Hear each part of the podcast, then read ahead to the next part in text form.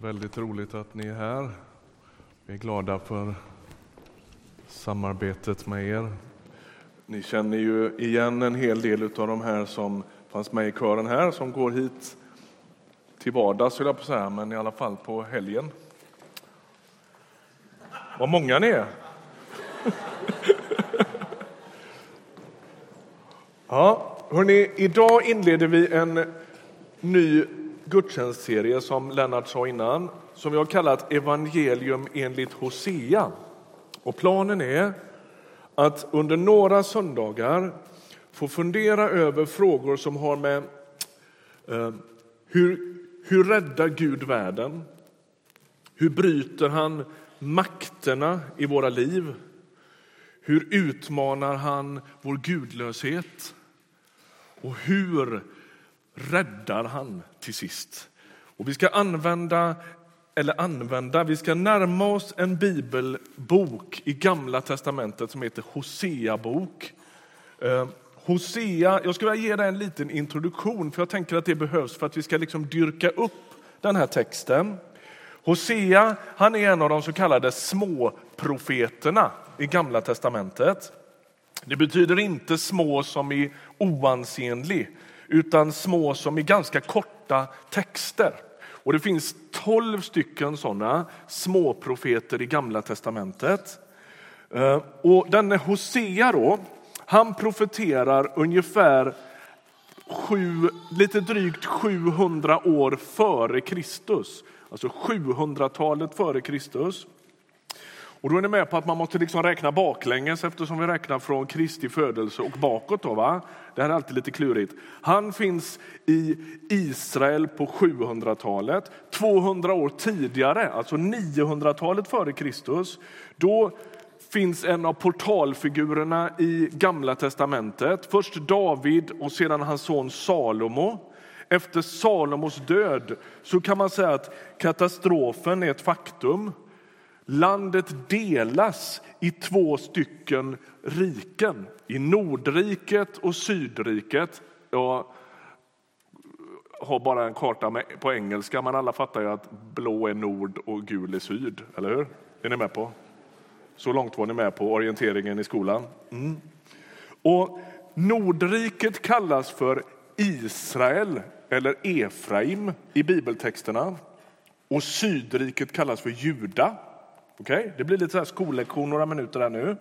Och Nordriket gick längst kan man säga när det, i, i det här som har med olydnad mot Guds bud att göra.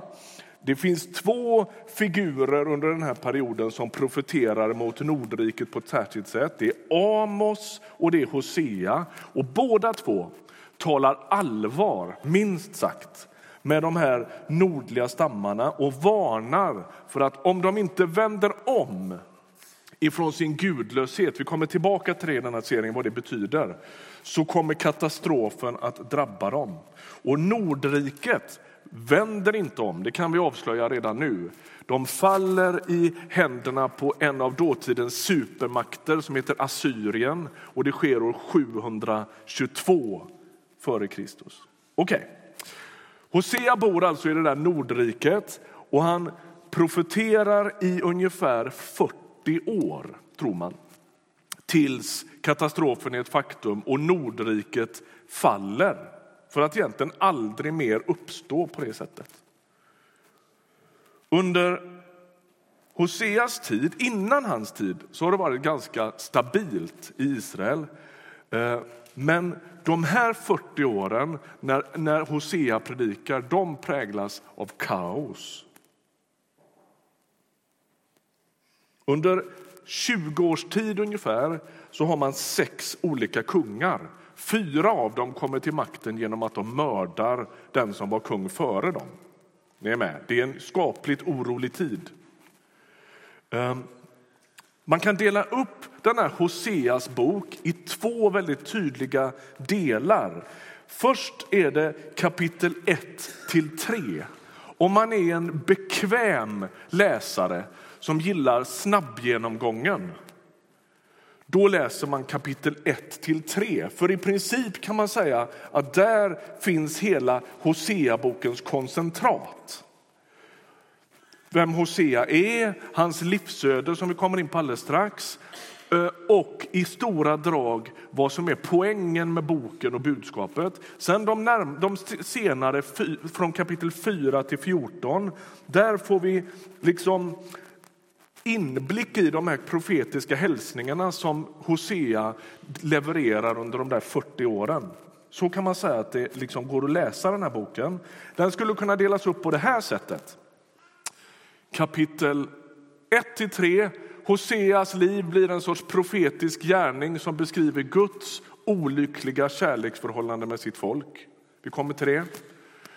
Kapitel 4-10, domsord om folkets otrohet, avfall och oförmåga att vända om. Det är ingen jättemunter läsning, vill jag avslöja direkt. Kapitel 4-10. Och sen kapitel 11-14, en sorts löfte från Gud om en framtida upprättelse och räddning. Mm. Nu då ska vi läsa. Nu har vi liksom lite mer på, på fötterna. Eh, och låt oss då vara på det klara med, jag säger det redan nu, vi läser en mustig text. På SVT skulle man säga vi varnar känsliga tittare. Så här kan det också stå i Bibeln. Var med nu. Hoseas kapitel 1 och vers 1. Detta är Herrens ord som kom till Hosea, Beris son, när Ussia, Jotam, Akas och Hiskia regerade i Juda och Jerobeam, Joars son, regerade i Israel. Här börjar Herrens ord genom Hosea. Herren sa till Hosea, gå och skaffa dig en horkvinna och horungar, ty landet horar sig bort från Herren. Är ni fortfarande med? Ja. Då tog han Gomer, Divlajims dotter. Hon blev havande och födde honom en son. Herren sa till honom, ge honom namnet Israel, ty jag ska snart skaffa Jehus ett, straffa Jehus ett för blodet som flöt vid Israel och göra slut på Israels folks kungadöme. Den dagen ska jag bryta sönder Israels båge på Israels slätt. Hon blev havande igen och födde en dotter. Han sa till honom, ge henne namnet Lo Ruhama. Hon får inte förbarmande. Ty jag kommer inte längre att förbarma mig över Israels folk utan fördriva dem. Men Judas folk ska jag förbarma mig över. Jag ska rädda dem genom Herren, deras Gud. Jag ska inte rädda dem genom båge och svärd och krig eller genom hästar och ryttare. När hon hade avvant Lo Ruhama blev hon havande och födde en son. Han sa, ge honom namnet Lo Ammi, inte mitt folk, ty ni är inte mitt folk och jag vill inte höra till er. Vi stannar där. Hosea upplever Guds kallelse att gifta sig. Vad härligt! Det finns ju värre tilltal än det. Problemet är att Gud ber honom om något rätt ohyggligt. Hosea, ta Gomer till din hustru. Gomer är trolös. Hon bedriver tempelprostitution i avgudatemplen som man har upprättat för att tillbe andra gudar än Herren. Och Herrens profet uppmanas att gifta sig med henne. Varför? Och hur kan han be honom om det? Visst är det en ganska häpnadsväckande kallelse?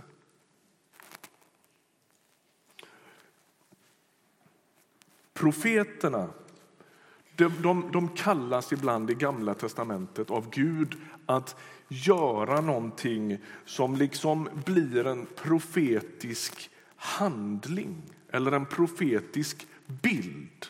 Ibland predikar de, men ibland gestaltar de det som Gud vill säga genom att göra något. Det finns ganska många såna exempel. Och hela profetens liv blir liksom som en predikan, en sorts profetisk handling om vad Gud tänker eller vad Gud tycker eller vad Gud planerar. Det finns en del sådana ganska färg, märgstarka berättelser i Gamla testamentet som beskriver just precis det. Hur profeten gör någonting som kan te sig väldigt märkligt men det görs som en sorts predikan. Och Det här blir Hoseas predikan, då, att gifta sig med en trolös kvinna. Vi kommer tillbaka till det där igen. Men vad är problemet på Hoseas tid? Jo, Israels folk, alltså Nordriket här då, de har avfallit. De har vänt sig till avgudar och de ber till en avgud som i Bibeln ofta återkommer, som kallas för Baal. Baal är en sorts fruktbarhetsgud som ska ge framgång med skördar och med livet i stort. De tänder offereldar till Baal. De eh, hänger sig åt en del ganska eh, smutsiga orger och de bedriver så kallad tempelprostitution. Och Hoseas kallelse blir alltså att ta, eller ta, men att uppvakta en av de här tempelprostituerade flickorna som finns i det här Baalstemplet och gifta sig med henne. Och Gomer hon blir alltså en sorts symbol för hela Israels avfall. Hon tjänar i avgudatemplen och hon har smutsat ner hela sitt liv. Liksom. Och att Hosea kallas av Gud att gifta sig med henne det blir en sorts tecken på att Gud själv har gift sig med ett folk som har smutsat ner sig i avgudadyrkan. Ett nersölat folk. Ett otroget folk. Är ni med på den bilden? Eh, Hanna sa innan att sången de sjöng var fullsmetad med bildspråk och det är ju bibeltexterna ofta. Och då, och då används inte så sällan den här bilden av den uppvaktande guden som en sorts eh, eh, brudgum eller friare och så folket som en ganska motsträvig och, och svårflörtad brud. Liksom. Och här blir det där väldigt, väldigt tydligt. Eh, folket är otroget. Grejen är den här. Man tror i de omgivande folken. Och Det här sprider sig då till Israels folk att stormen och regnet... Alltså det är ju självklart att rent faktiskt är det så att i torra Palestina och Israel är helt beroende av regn. Annars blir det inget. Eller hur? Så är det ju. Och så tänker man sig att den där stormen och regnet personifieras i storm och regnguden Hadad. Han manifesterar sig i olika baler, alltså herrar eller gudar eller furstar som man tillber. Och De där tillbes ofta på höga platser. I Bibeln står de oftast beskrivna som höjderna. The high places står det i engelska bibelöversättningar.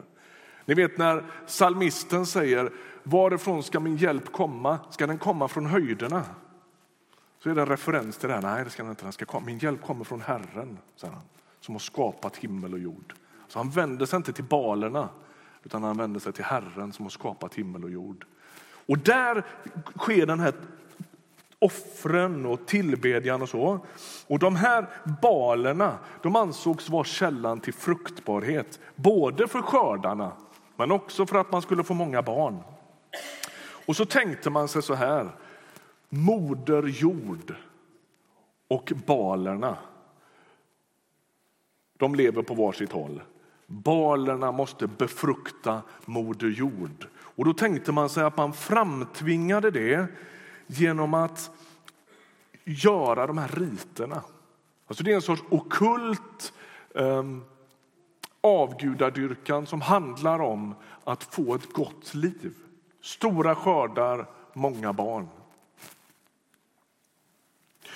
Det som är intressant att notera i den här texten det är att när Gud talar med profeten Hosea så används samma bildspråk.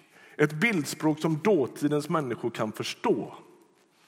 Alltså, ni vet när Jesus tar en liknelse, då använder han liknelser som människor kan förstå.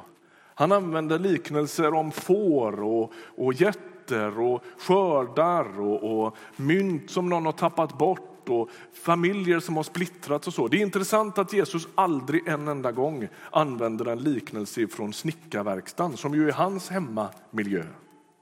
Guds rike är som en ruvbank. Träslöjds-flashback.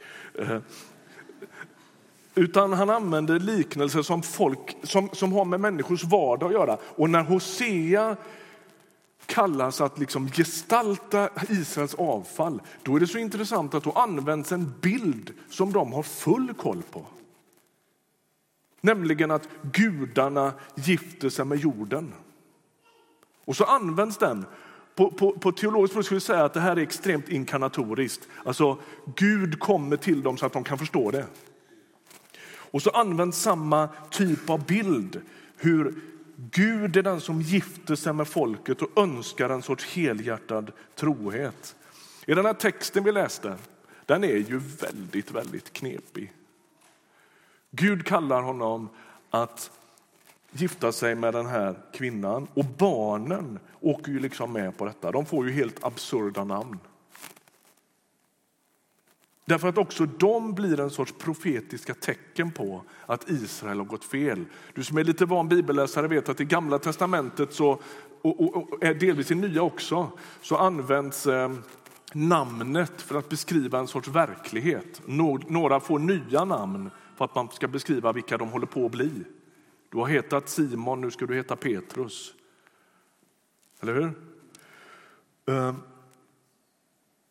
och här blir det här en sorts profetiskt tecken. Då. Det finns en stegring i det här med de här barnens namn. Och det tredje barnets namn kallas inte mitt folk. Och det är ohyggligt dramatiskt. Genom hela gamla testamentet har Gud sagt att det här är mitt folk. Och så, om vi ska fortsätta att driva bilden skulle vi kunna säga att vad som händer här det är att Gud tar ut skilsmässa.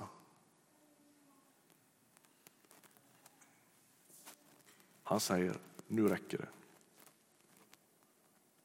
Nu är ni inte mitt folk längre.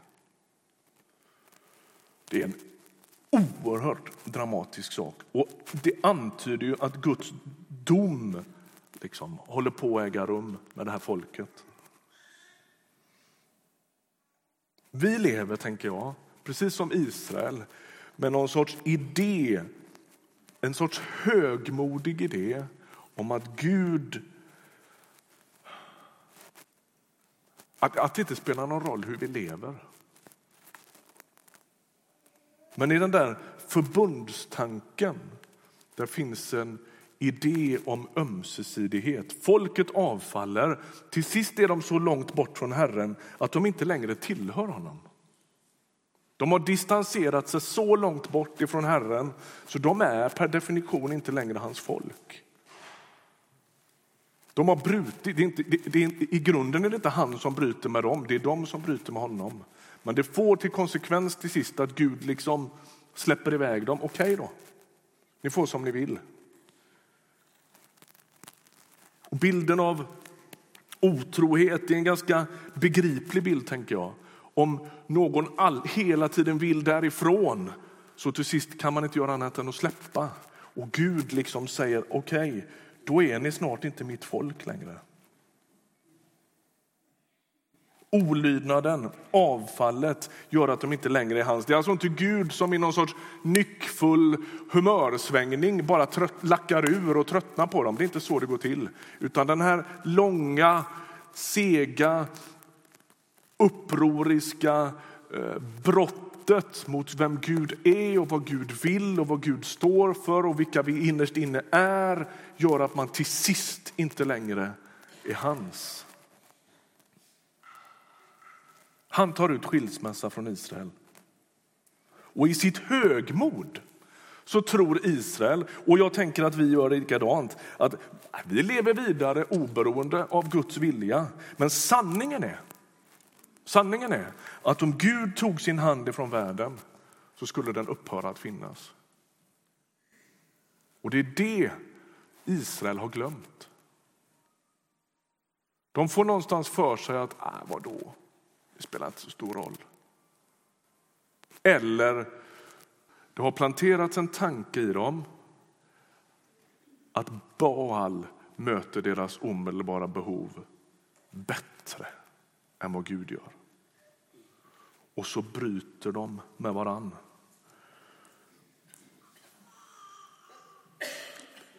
Jag måste ändå bara innan jag rundar av idag så tänker jag så här, frågan som liksom lever som en sorts elefant i rummet här nu, det är hur ska vi se på Guds kallelse till Hosea? Gör Gud verkligen sånt? Befaller Gud verkligen sånt? Kallar Gud verkligen människor att, göra, att, att, att, leva ett så smärtfyllt liv? Det är ju frågan. Vad gör en sån här text med vår gudsbild? Jag tänker så här. Vår syn på Guds kallelse och Guds vilja den har förändrats över tid. Det är väldigt tydligt. Man behöver inte gå så långt tillbaks. Ehm, en period, om man frågade ni fattar att det här är grava generaliseringar, givetvis. Men om jag spetsar till det lite, så en period om man frågar en genomsnittlig frikyrkomedlem om jag ger Gud mitt, min oreserverade lydnad, vad händer då? Och då skulle påfallande många säga, då skickar han mig någonstans dit jag inte vill och så ber han mig att gifta mig med någon som jag inte gillar. Det fanns en sån bild av Guds kallelse. Och så gjorde vi upp med den. Så tyckte vi det där är liksom stökar med vår gudsbild, så kan det inte vara. Och så har vi börjat säga, och inte börjat, vi har gjort det länge, säga så här. Gud ber dig aldrig göra något som du själv inte vill. Hmm. Ska vi fråga Hosea?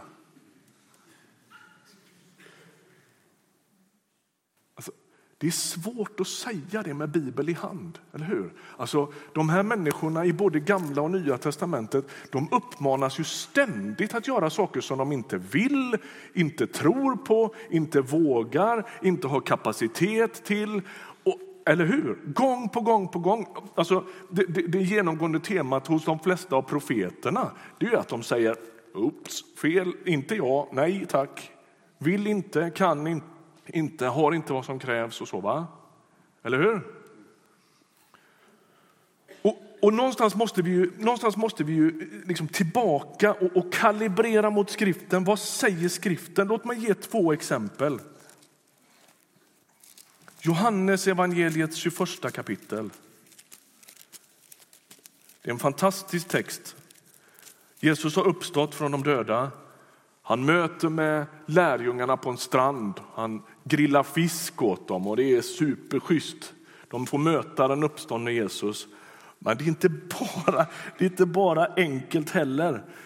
Eh, ni vet Petrus och Jesus, de har den här dialogen med varandra. De, där Petrus, Jesus frågar honom, e-, Petrus älskar du mig? Och han får den där frågan tre gånger, vilket är en sån supergenerös fråga från Jesus sida. Därför att tre gånger har Petrus förnekat att han känner Jesus och tre gånger får han chans att bedyra sin kärlek. Och han är väldigt försiktig. Petrus, Jesus säger älskar du mig? Och Petrus svarar väldigt mycket mer försiktigt om man läser grekiska grundtexten. Du vet att jag har dig kär. Du vet att jag vill det. Men jag är inte så stöddig längre med mina bekännelser. Liksom. Och Det är en fantastisk text. Men sen slutar det där dialogen med vers 18. Sannerligen, jag säger dig, säger Jesus till Petrus, när du var ung spände du själv bältet om dig och gick vart du ville. Men när du blir gammal ska du sträcka ut dina armar och någon annan ska spänna bältet om dig och föra dig dit du inte vill. Hör du? Alltså, vi kan inte ens avfärda Hosea med att ah, det var gamla testamentet, så hör inte Gud längre. Ah, men, dit du inte vill. Det där är en sorts så här, eh, antydan från Jesus sida att Petrus kommer att dö martyrdöden. Kristna kyrkans här, historia säger att Petrus dör korsfäst i Rom. Och när han döms till att dö korsfäst så säger han jag är inte värdig att dö på samma sätt som min herre. Och så korsfäster de Petrus upp och ner. Spikar på ett kors. Dit du inte vill. Ett exempel till. Markus 14. Hur det är när vi ska försöka hitta rätt och navigera rätt i hur Gud handlar finns det inget bättre ställe att leta än i Jesu liv. Det är en sån grundtips från mig till dig. Och vi kommer in i påskdramat när Jesus ber i ett semane. Vers 32, Markus 14, 32. Då kom de till ett ställe som heter Getsemane och han sa till lärjungarna, sitt kvar här medan jag ber. Men han tog med sig Petrus, Jakob och Johannes. Bävan och ångest kom över honom. Han sa till dem, min själ är bedrövad ända till döds. Stanna här och vaka. Han gick lite längre bort, föll ner på marken och bad att få slippa denna stund om det var möjligt. Han sa, Abba, fader, för dig är allting möjligt. Ta denna bägare ifrån mig, men inte som jag vill, utan som du vill. Och jag tänker att en sån här text den är avgörande för att vi ska förstå hur Guds vilja och vår vilja relaterar till varann. Vad gör Jesus i ett semane? Han ber att få slippa. Han ber ärligt om vad han innerst inne vill slippa. Det tror jag är det enda sättet att be på. Man måste be ärligt. Så här känner jag, det här vill jag, det här längtar jag efter, det här vill jag absolut inte. Ta med dig all den ärligheten in i din bön. Det kommer Gud alltid att ära.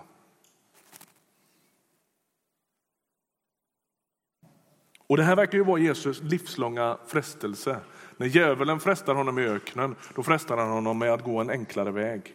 När Petrus säger detsamma, nej men inte ska du gå till Jerusalem och dö, då känner Jesus igen frestelsen i det. Och så säger han, Satan vik bort ifrån mig. Därför att det där verkar vara hans stora livsfight. Att han inte vill. Men när han har sagt att han inte vill, då kan han överlåta sin vilja i Guds händer. Jesus, eller Fadern, jag vill inte detta. Jag vill inte detta. Det här är emot alla instinkter. Jag går in i någonting som jag borde fly. Jag vill inte. Men låt det bli som du vill och inte som jag vill. Och vi vet hur det här går. Fadern svarar ju faktiskt inte på den bönen i meningen att han får slippa.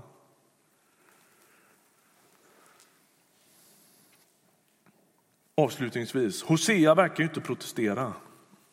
Gud kallar honom. Gift dig med Gomer. Och så betonas det, det faller lite i vår bibelöversättning 2000, men det betonas väldigt tydligt. Gå och ta den hustrun. Och det står han gick och tog. Alltså väldigt tydligt så verkar Hosea göra som Gud befaller. Och då tänker jag så här. Gud kallar människor att gång på gång vara hans redskap. Om vi läser i bibeltexterna kan vi vid en första anblick se vad de uträttar. Mose går genom havet, någon predikar i hela Turkiet, någon profeterar för kungar och de är med om alla möjliga spännande saker. Men den djupaste underströmmen när Gud kallar, det är att han kallar människor till sig själv och han kallar människor att dela Guds hjärta. Vad är det Hoseas kallelse djupast handlar om? På, till det yttre handlar det om en sorts dysfunktionell familj som han får bli en del av. Men den djupare kallelsen hos Hosea den är att dela Guds sorg. Hosea, jag vill smitta dig med min sorg över sakernas tillstånd. Det är vad han kallas till.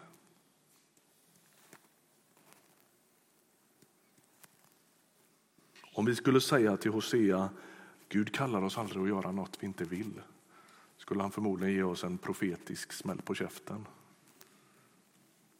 Jo, det gör han visst. Han lockar. Och, och, och, är du med mig då på att det inte är så att man går runt hela livet i någon sorts eh, opposition mot vad Gud vill och varje dag måste liksom eh, svälja ett surt piller, utan det finns en sorts samverkan i det där. Han verkar i vår vilja, säger Filipperbrevet, så att man börjar vilja det han vill. Men han kallar oss ibland att göra det vi varken tror att vi kan eller vill.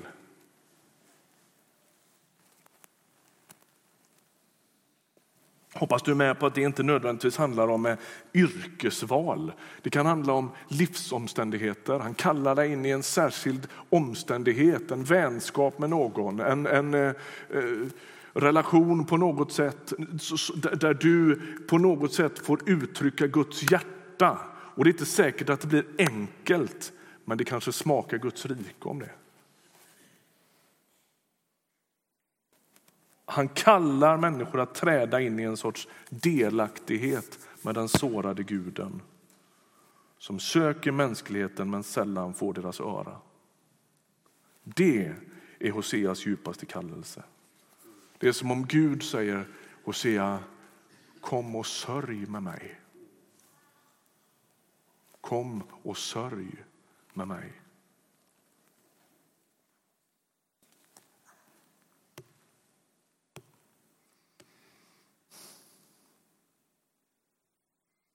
Därför att Gud är inte en tickande maskin. Han beskrivs inte primärt som ett fulländat Excel-ark. Han är blödande. Ingen är så själsförmögen som han. Ingen sörjer så över världens tillstånd som han. Och Det är som att han kallar sitt folk att komma och säga jag vill märka dig också med det. Att dela mitt hjärta med människor, att dela min sorg. Kallelsen, den är både lätt och svår på samma gång. Låt oss be tillsammans.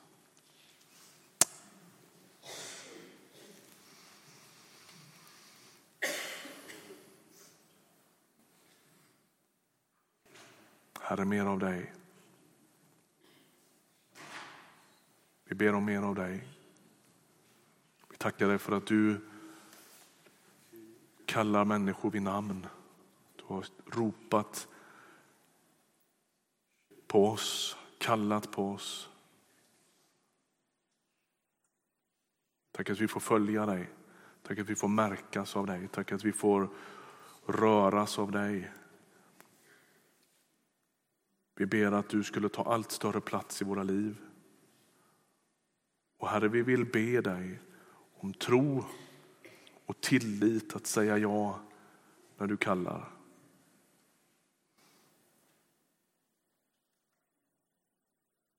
Tack att du rör vid oss. Tack att du talar med oss. Tack att du inte har gett upp med oss. Vi ber att få mod att säga ja. Amen.